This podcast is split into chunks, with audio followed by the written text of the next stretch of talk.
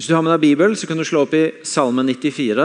Eh, vi skal komme dit om ei stund. Eh, jeg har lyst til å snakke litt om ord i dag, og etter hvert om en bestemt type ord. Eh, jeg er en fyr som er veldig veldig glad i ord.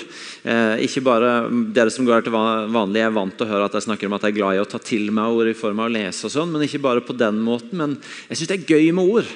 Jeg koser meg når noen har gjort ei sånn kommer med en skikkelig god formulering som på en måte sier alt i noen få setninger. Noen ganger du kan høre på forkynnere som når du sa den setninga, så hadde du egentlig ikke trengt resten av talen, for der fikk du det, sa du det i ei setning. Liksom. Deilig når folk formulerer seg godt. Jeg syns det er gøy når folk sklir på bananskallemor og sier feil. Koser meg med det. Kona mi, som ofte gjør det, for eksempel, sier jeg 'overlumpa' istedenfor 'overrumpla', så får hun høre det lenge etterpå, for jeg syns det er gøy. og, eh, Jeg kunne gitt dere mange andre eksempler, men jeg skal spare henne for det. Det har sikkert gøy for dere. men eh, jeg, jeg, jeg, koser meg når folk kan ord og kan fortelle meg ikke bare liksom hva det betyr på norsk, men den latinske rota og hva det kommer av. Det er gøy. Liker ord. Jeg syns det er gøy med ord. Um, og Vi lever i en tid hvor det er masse ord. Mer ord enn noensinne. ikke sant? Og Vi lever i en tid hvor det er så enormt med tilgang på informasjon og på ulike former med ord at vi blir pepra av det. Og Noen ganger så snakker vi også om at vi kan bli trøtt av ord. At det kan bli for mange ord. At uh, det trøtter oss, at vi er usikre på hvilke ord vi skal tro på. Uh, det er en trend at vi noen ganger er mer begeistra for det visuelle, for bilder, enn ord. Ett et bilde kan si mer enn tusen ord, sier vi noen ganger. og For et par-tre år siden så slutta vi å skrive på Facebook hva vi spiste til middag, men begynte heller å poste et bilde av det på Instagram. Ikke sant? Men vi, eh, eh, vi er likevel avhengige av ord. Ord er en gave til oss. Språk, det å kunne uttrykke hva vi tenker, hva vi føler det å få et språk for det vi opplever, for hvordan vi skal forstå virkeligheten, det er utrolig verdifullt. Og Midt inni det så kommer denne boka her, som vi kaller Guds ord. Den heter Bibelen, men vi sier også at det er Guds ord. Ei, ei bok fylt av veldig mange ord og forskjellige typer ord. Historier, poesi, eh, bønner, sanger, eh, lignelser. Masse forskjellige ting. Tidenes bestselger, ei bok som du kan finne i så mange varianter. Rosa jentebibler og actionbibelen i tegneserie. og Masse forskjellige oversettelser. Ei, ei utrolig viktig bok. og Tidligere denne uka så skrev et par aviser om at det er kommet en sånn bibelbølge innover landet vårt igjen. I den forstand at plutselig så har Bibelen begynt å innta litteraturen og mange forskjellige eh, områder i, i, samfunnet vårt, hvor en kan merke at Bibelen har begynt å sette et avtrykk igjen. En bok som mange har hørt, og som mange forholder seg til, og som er utrolig viktig. Men som jeg har lyst til at vi skal se litt på i kveld, samtidig ikke bare er ei bok blant mange bøker, og som ikke bare er enda flere ord blant mange andre ord. Men vi tror at i denne boka, som, som er Guds ord, så tror vi altså at det finnes ord som som, som, er noe annerledes, som har noe helt spesielt ved seg. Som er mer enn mengden av alle andre ord, men som, som lever, og som kan gjøre noe med oss. Det står i Hebreerne 4, vers 12, at Guds ord er levende og virkekraftig og skarpere enn noe tveegget sverd. Guds ord lever, og det virker. Det betyr at det er ikke bare døde ord, det er ikke bare statements på en side, men, men, de lever sånn at de kan, de kan, gjøre noe med oss. Det står at de er virkekraftige. Det betyr at det er en, det er en kraft i dem, det er noe, noe, dynamisk i dem som gjør at det, de er mer enn bare printen på papiret. De lever, og de kan gjøre noe med oss. Og Det grunnleggende ordet som, som alltid må med når vi skal snakke om hva Bibelen er, finner vi i 2. Timoteus 3, vers 16 og 17, hvor det sies at hver bok i Skriften er innblåst av Gud og nyttig til opplæring, tilrettevisning, veiledning og oppdragelse i rettferd, så det mennesket som tilhører Gud, kan være fullt utrusta til all god gjerning. Hver bok i Skriften, hver bok i denne boka er innblåst av Gud. Og Hva lærer vi i Bibelen om at Guds pust er? Jo, den er livgivende. Gud puster liv i mennesket. Når Gud puster på noe, så lever det. Og Det betyr at vi tror at Gud har pusta liv i disse ordene, sånn at de er mer enn bare ord. Og de har en funksjon, sier det verset, nemlig å utruste oss til livet. Og sette oss i stand til det livet som, eh, som vi skal leve, og den hverdagen som vi møter. Og så inneholder denne boka Guds ord, som lever og som er virkekraftig og som utruster oss, også en bestemt type ord som jeg har lyst til at vi skal pense oss inn mot i kveld. og, og Gry har allerede nevnt det. Eh, den inneholder en type ord som vi gjerne kaller løfter. Løfter, altså ord som, som lover noe fra Gud og til oss om hvem han er og hva han vil gjøre. På den ene sida inneholder Bibelen løfter om det Gud en gang skal gjøre i framtida. Bibelen har løfter om det som en gang skal skje. Bibelen sier, ikke bare som en spådom eller som en sånn for, altså en måte å hva skal vi si, kikke inn i framtida på, men som et, som et, løfte fra Gud, sier Bibelen, at en dag skal Jesus komme igjen. Og Da skal han skille rett og galt. Da skal han holde dom som gjør at de som, det som har vært av ondskap i verden, må stå til rette for det. Og Vi må også stå til rette for våre liv, men heldigvis skal vi få gjøre det i lys av Jesus, som levde et syndfritt liv og døde for vår skyld. Men vi skal også få se at han tar og skiller ut og holder dom over all vondskapen og djevelskapen som hersker rundt oss. Og så lover han at det skal ta en ende, og at vi skal få leve i en helt annen virkelighet. står i Åpenbaringen eh, 21. Se, Guds bolig er hos menneskene. Han skal bo hos dem, og de skal være hans folk. Og Gud sjøl skal være hos dem. Han skal være deres Gud.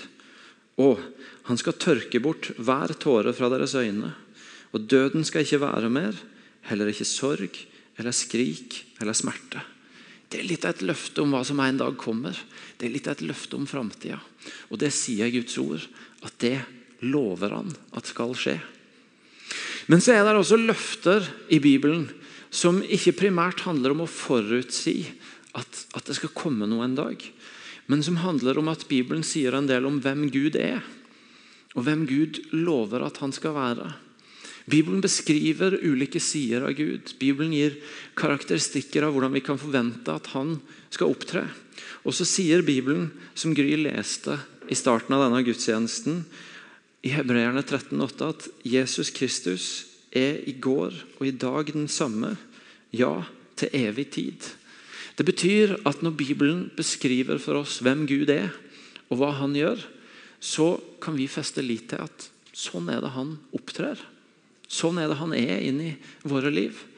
Og Derfor så blir også løftene om hvem Gud er, eller karakteristikken av hvem Gud er, blir også løfter inn i våre liv. Ikke primært om en dag der framme, men om hvem han er her og nå. Og Jeg har lyst til å spesielt ta oss inn i det i dag og spørre oss sjøl hvilken rolle får det spiller i våre liv? Hvilken rolle får de løftene om hvem Gud er, og hvordan vi kan forvente og kjenne oss trygge på at Han opptrer? Hvilken plass får det lov til å ta inn i våre liv? Nettopp i en virkelighet hvor det svever massevis av ord rundt oss. Og hvor vi er vant til å høre mange forskjellige typer ord. Hvilken plass får orda om hvem han er, og har lovt at han skal være, ta i våre liv? En av de typer orda som, som ganske ofte vi møter i verden rundt oss, det er sånne ulike typer slogans eller positive statements som på ulike vis skal inspirere og oppmuntre og tegne et bilde for oss av noe som er mulig. Ehm, jeg har jeg skal ikke ta alle, men jeg har altså da prøvd å samle noen her. Ikke sant? Du har 'Be the change you want to see in the world'. Og det er litt sånn, all right, yes, Jeg blir inspirert når jeg hører det. Ja, jeg kan bety en forvandling. Det har jeg lyst til å være med på. En sånn positivt slogan som, som inspirerer meg. Um, yes, we can. Barack Obama ga oss det. Og Det er noe som bare, ikke sant, det, det, inspirerer oss. Ok, det er mulig, jeg kan være med på det. Ja. Uh, det er et sånn ja-ord. Um, Life begins uh, at the end of your comfort zone. Det er også et ord som inspirerer meg, fordi det minner meg om at ok, jeg må tørre noen ting. Jeg må våge å gå ut av det vante. All right, Jeg har lyst til å være med på noe som, som utfordrer meg, som utfordrer komfortsonen min. Relax, nothing is under control.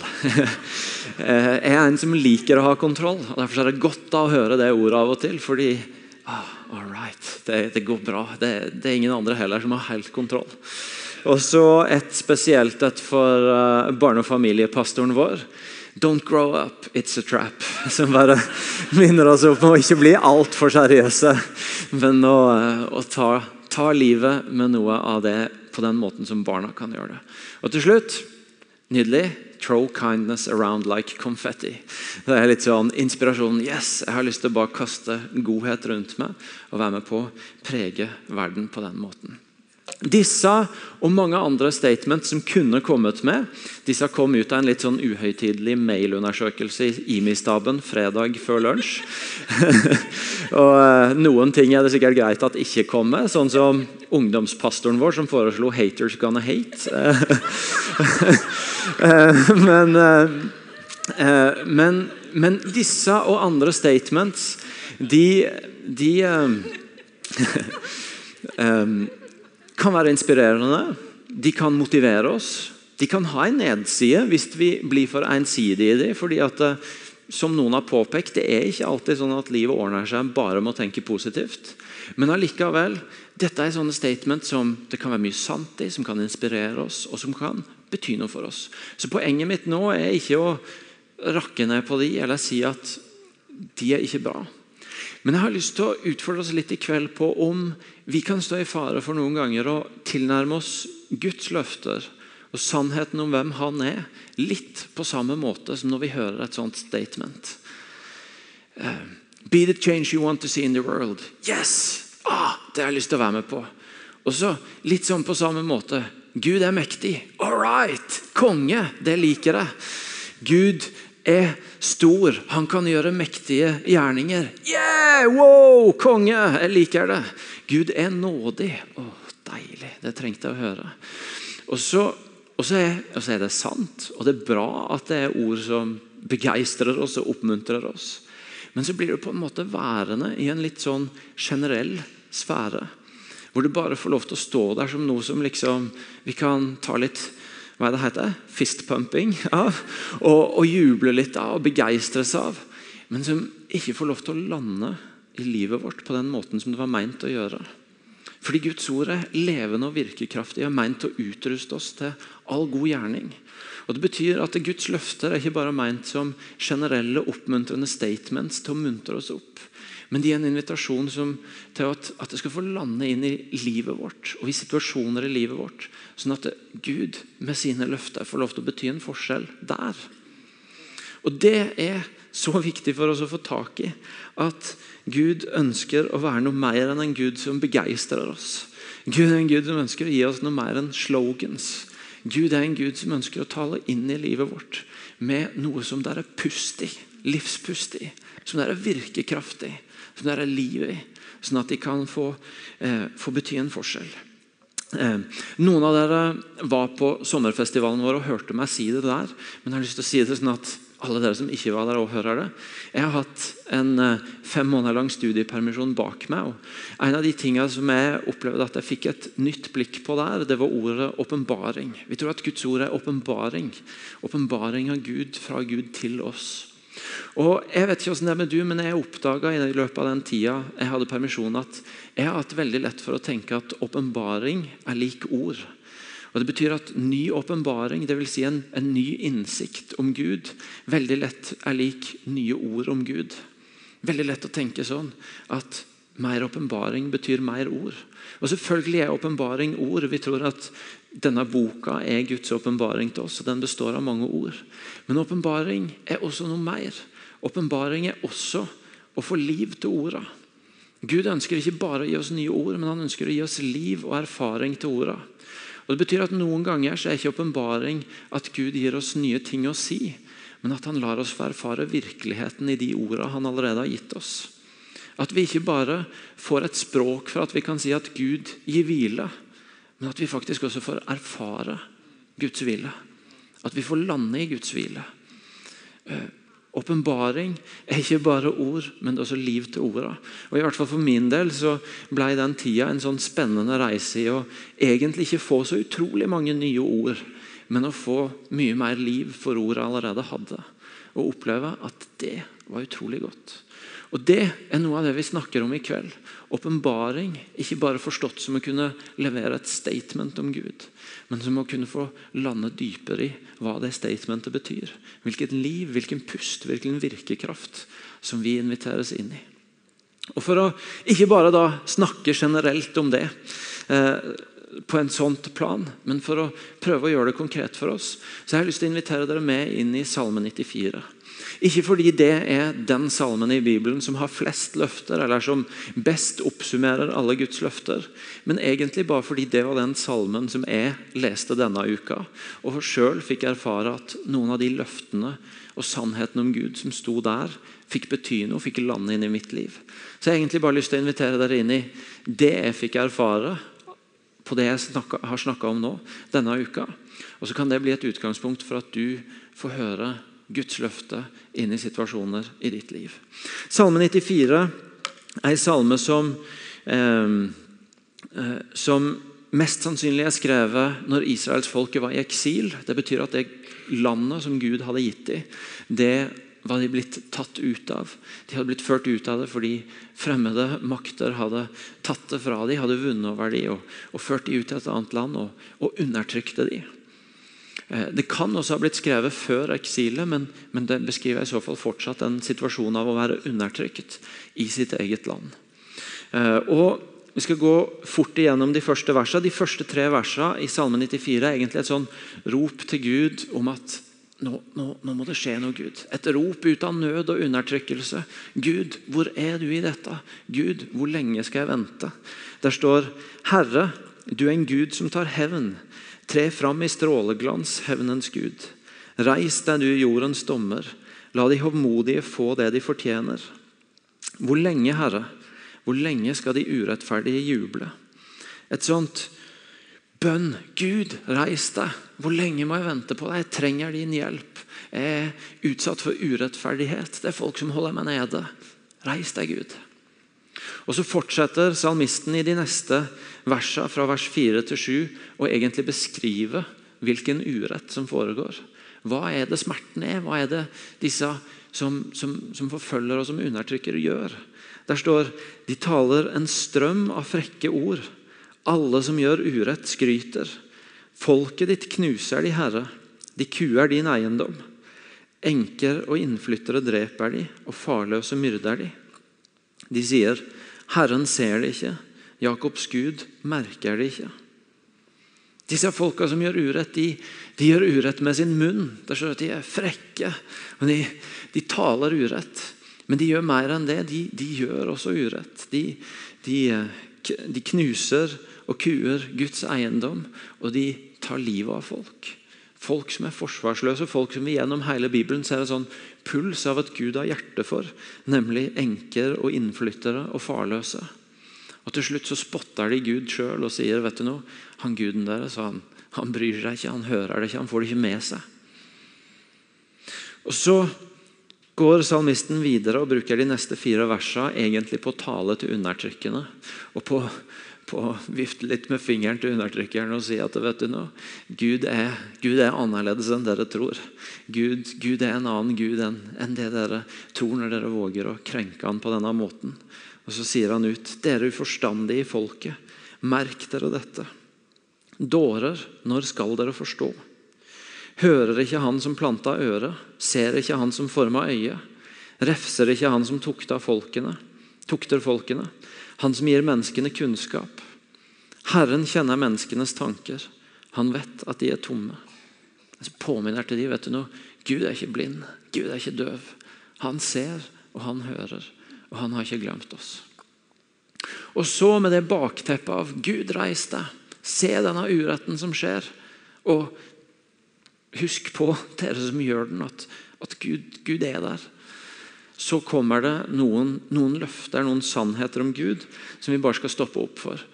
Det første kommer i vers 12 og 13, hvor det står Salig er den du tukter, Herre, den du underviser i din lov. Du vil gi han eh, Der har jeg skrevet noe feil. Eh, du vil gi han ro uten onde dager, til graven er gravd for den lovløse. Du vil gi han ro uten onde dager, til graven er gravd for den lovløse. Et løfte om at, Gud, eh, om at Guds ord kan bety noe inn i denne situasjonen. At hvis de søker inn i Guds ord, så vil de finne en ro mens de venter på at det som nå er urett, skal bli stoppa. Mens de venter på at det er gravd en grav for den lovløse. Jeg eh, har lest også i den siste tida en engelsk oversettelse av salmene som heter Passion Translation, som prøver å den kaller seg 'Poetry on Fire'. Den prøver på en måte med nye ord og med levende ord. og eh, uttrykke salmene. Og jeg synes det var bra når det står her om Guds ord at «It rescues us from our days of trouble». Guds ord som redder oss fra våre dager med vanskeligheter, med trøbbel. Det er det første løftet. Vi skal kikke mer inn i det etter hvert, men, men først så bare ser vi på de fire løftene. Det andre kommer i eh, neste, neste verset. Retten skal igjen bli rettferdig og alle oppriktige av hjertet skal leve etter den. Retten skal igjen bli rettferdig. Selv om det som er rett, utfordres nå, så skal det en dag igjen bli det som er rett, og det folk lever etter. Med Passion Translation All your lovers will be pleased because the future belongs to them. Alle de som holder fast på du og elsker du, Herre, de skal de skal få sin rett fordi framtida tilhører de. Fantastisk løfte. Neste. Hvis ikke Herren var min hjelper, så bodde jeg snart i stillhetens land. Jeg er jo introvert, så første gangen jeg leste det ordet, så tenkte jeg å, stillhetens land, fantastisk. Jeg elsker det. Og så, og så leste jeg fotnota i Bibelen min. Stillhetens land, dødsrike.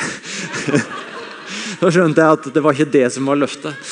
Eh, men, Eh, men eh, ja, ja.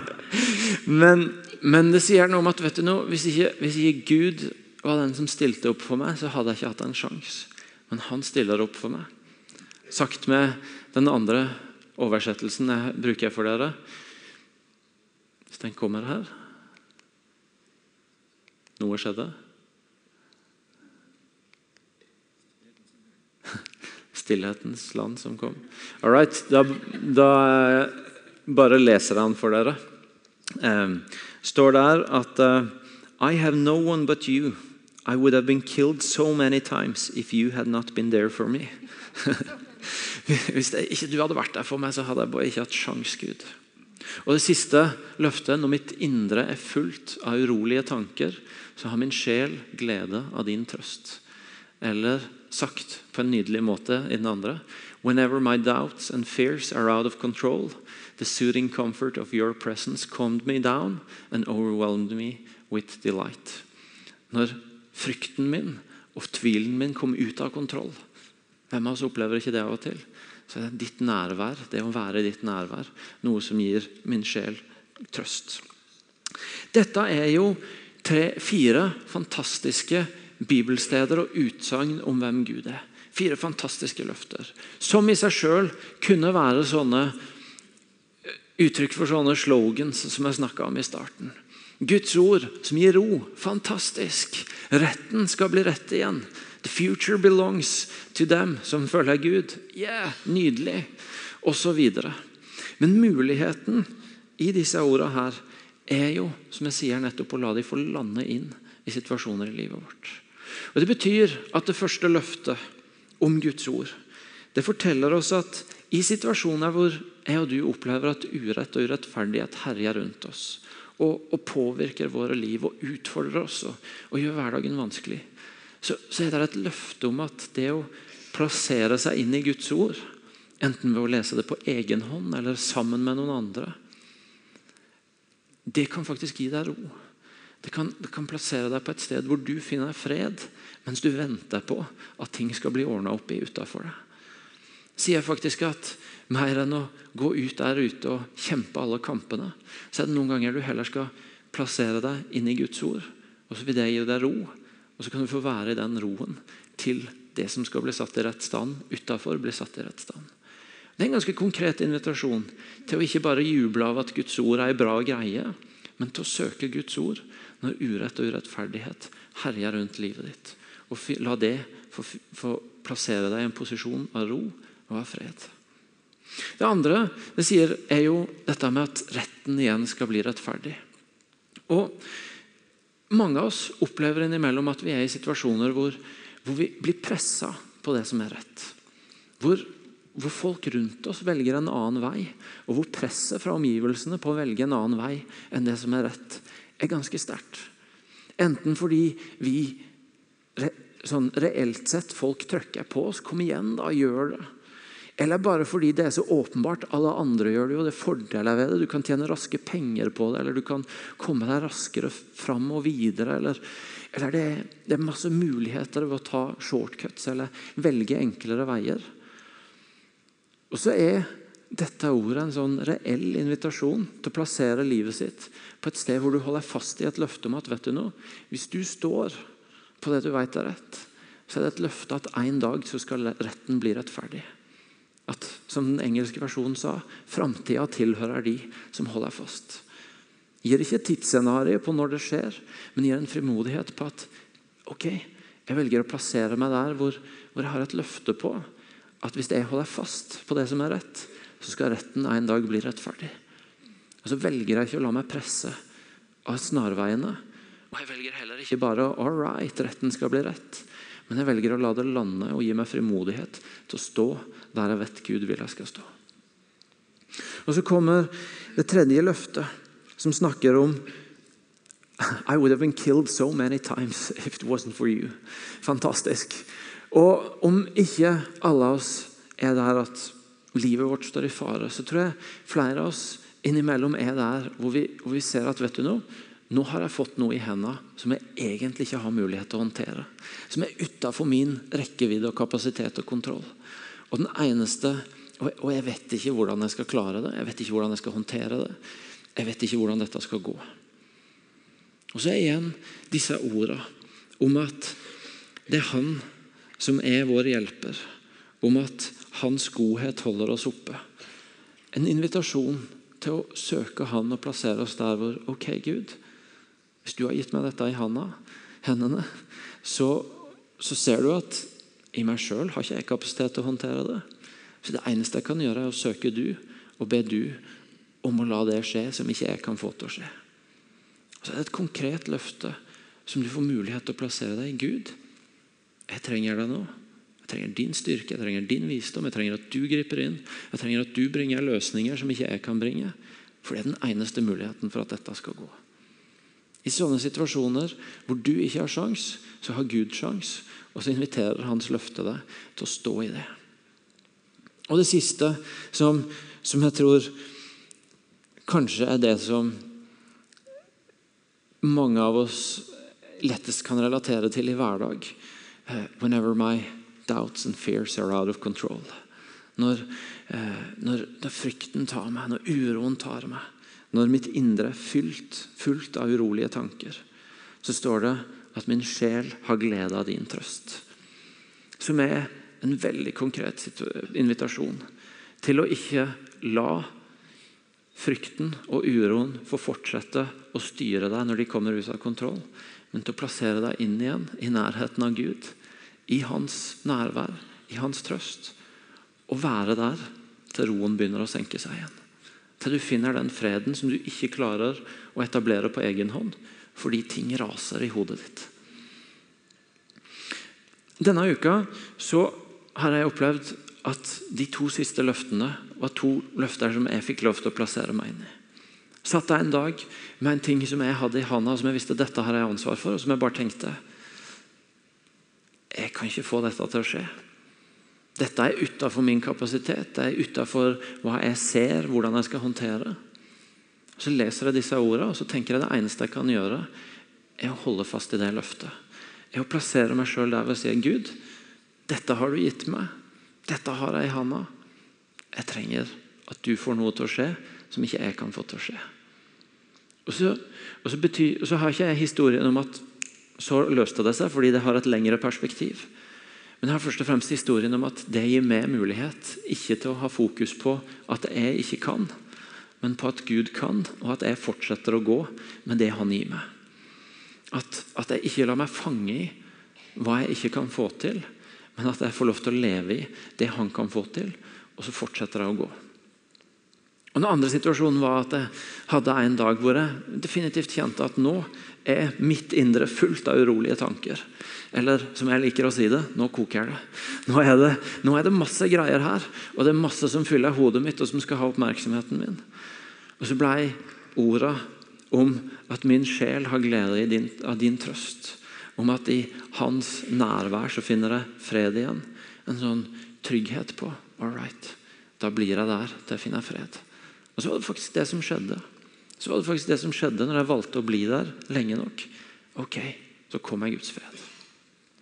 Dette var ei salme, fire eksempler, to eksempler fra mitt liv på at Guds løfter blir noe mer enn et slogan, men det får lov til å lande i livet. Det kan godt hende at I din situasjon i livet så er det et annet løfte enn det de fire jeg har ramsa opp nå, som du trenger å, å lande i. Men jeg tror at Guds hjerte for meg og du er at Hans ord skal få være noe mer enn ord, men det skal få være et levende og virkekraftig ord. Og jeg tror Hans hjerte er å invitere deg inn i løftene sine, sånn at de ikke bare oppmuntrer deg, men de blir til liv for deg. Vi skal få opp en plakat på veggen som ramser opp heller ikke alle Guds løfter, men et litt større spekter av noen av de tinga Bibelen sier om hvem Gud er, og hva han har lovt at han vil gjøre. Og så, den, den, er fra i formiddag. Da talte Solvår en nydelig tale om Guds løfter. og Jeg anbefaler deg å gå inn på nettsida vår og høre den også. Eh, I kveld eller i morgen eller i løpet av uka. Men nå skal lovsangstimen komme opp. Og så skal du få lov til å se på den oversikten over de løftene. Og så skal de synge en sang for deg som, som eh, handler om at Guds løfter står fast. Og så har jeg lyst til å invitere deg til å bruke de minuttene mens den sangen går, og mens de løftene står der, til å spørre Gud Gud, hvilken situasjon i livet mitt har du lyst til å tale et løfte inn i livet? Og, og la det få bli mer enn et positivt statement, mer enn et slogan. I hvilken situasjon i livet mitt har du lyst til å hente ut et levende og virkekraftig ord fra denne boka og la det lande hos meg, sånn at det kan, kan få begynne å jobbe i meg denne uka og få bli til et nytt mot, og et nytt håp og en ny trygghet for meg. Og Så skal vi ut ifra det få be litt sammen etterpå. Men eh, jeg ser mange av dere gjør det, så hvis du ikke er usikker på om det er ok, så er det ok å ta bilde av den med telefonen hvis du vil ha den med deg i uka. Eh, og Så har jeg bare lyst til å be en liten bønn. Og Så skal vi få sitte og lytte til sangen og ta inn over oss de løftene og, og invitere Gud til å la det lande i våre liv. Far, jeg takker deg for at du er mer enn en dyktig reklameforfatter av slogans. Men du er en levende og virkekraftig Gud som ønsker å tale inn i våre liv med ord som er mer enn ord men som, som, som lever, og som er troverdige og pålitelige. Takk for dine løfter, og takk for at de spenner over et vidt spekter, sånn at de kan tale inn i så mange av våre livs situasjoner.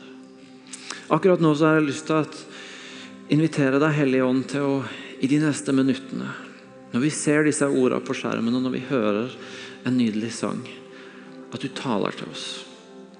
Tal til ikke bare hodet vårt, men til hjertet vårt. Om hvilket område i livet du ønsker å lande et løfte inn i. Og La det få begynne å jobbe i oss og gi trygghet for oss og frimodighet for oss i det vi står oppi. Kom, Hellige Ånd, og tal til oss.